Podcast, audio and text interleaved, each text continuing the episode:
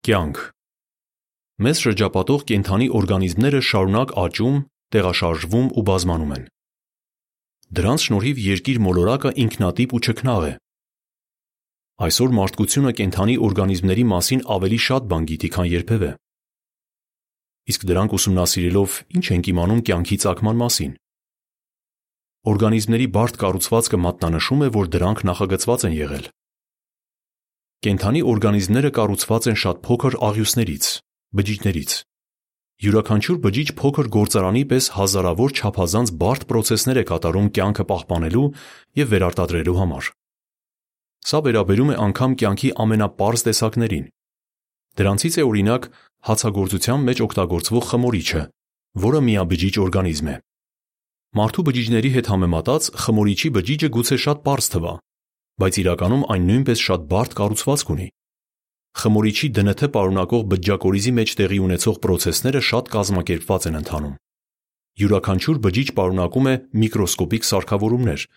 որոնք տեսակավորում, տեղափոխում և ձևափոխում են տարբեր մոլեկուլներ։ Այս պրոցեսները կարևոր են բջջի կենսագործունեության համար։ Երբ սնունդը սպառվում է, խմորիչի բջիջը դանդաղեցնում է իր կենսագործունեությունը, դառնում է ոչ ակտիվ, ասես մտնում է քնի մեջ։ Դրա շնորհիվ խմորիչը խոհանոցի պահարանում կարող է մնալ պասիվ վիճակում, մինչև հացսուխը կակտիվացնի այն խմոր պատրաստելու համար։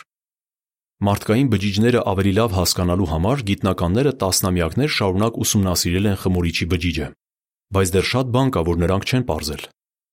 Նույնիսկ խմորիչի բջջի աշխատանքը հասկանալու համար մենք բավարար թվով կենսաբաններ չունենք, որոնք կկատարեն բոլոր անհրաժեշտ հետազոտությունները, ասում է Շվեդիայի Չալմերսի տեխնոլոգիական համալսարանի պրոֆեսոր Ռոս Քինգը։ Ինչ եք կարծում,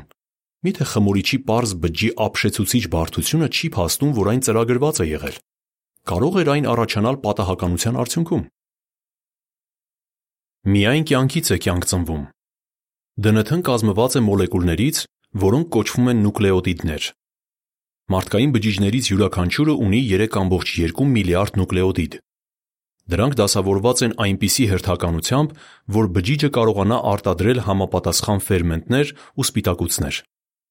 Հավանականությունը, որ նուկլեոտիդները պատահականության արդյունքում ճիշտ հերթականությամբ դասավորվելով կկազմեն անգամ ամենապարզ շղթան, հավասար է 1:10-150 աստիճանի (1 և 150 զրոներ)։ Դա պարզապես անհնար է։ Փաստ է, գիտական ոչ մի փորձ չի հաստատել, որ անկենդան նյութից պատահականորեն կարող է կենդանի օրգանիզմ առաջանալ։ Մարդկային կյանքը յուրատեսակ է։ Մարդիկ օժտված են առանձնահատուկ ունակություններով, որոնց շնորհիվ կարողանում են այնպես վայելել կյանքը, ինչպես ոչ մի ուրիշ կենդանի օրգանիզմ չի կարող։ Մենք ունենք ստեղծագործական ունակություններ, զգացմունքներ արտահայտելու կարողություն և սոցիալական հմտություններ։ Մենք կարողանում ենք վայելել տարբեր համեր, հոտեր, հիանալ գեղեցիկ ձայներով, գույներով ու տեսարաններով։ Նաև ունակ ենք ապագայի համար ծրագրեր կազմելու և մտածելու կյանքի իմաստի մասին։ Ինչ եք կարծում, արդյոք այդ ունակությունները զարգացել են մեր մեջ, քանի որ դրանք անհրաժեշտ էին գոյատևելու և բազմանալու համար։ Թե դրանք վառ ապացույց են, որ կյանքը պարգև է հոգատար Ստեղծչից։ Լրացուցիչ տեղեկություն Ադամ՝ խմորիչի բջիջներն ուսումնասիրող ռոբոտ։ Ադամը մոտավորապես փոքր ավտոբուսի չափերի է։ Այն ունի սառցարան, ռոբոտային ձեռքեր, տեսախցիկներ, սենսորներ և չորս համակարգիչ։ Այս բարդ մեխանիզմը նախագծվել է, որ խրթին հետազոտություններ անի խմորիչի բջիջն ուսումնասիրելու համար։ Առանց մարդկանց միջամտության այն արդեն հաջողությամբ բազմաթիվ հետազոտություններ է արել։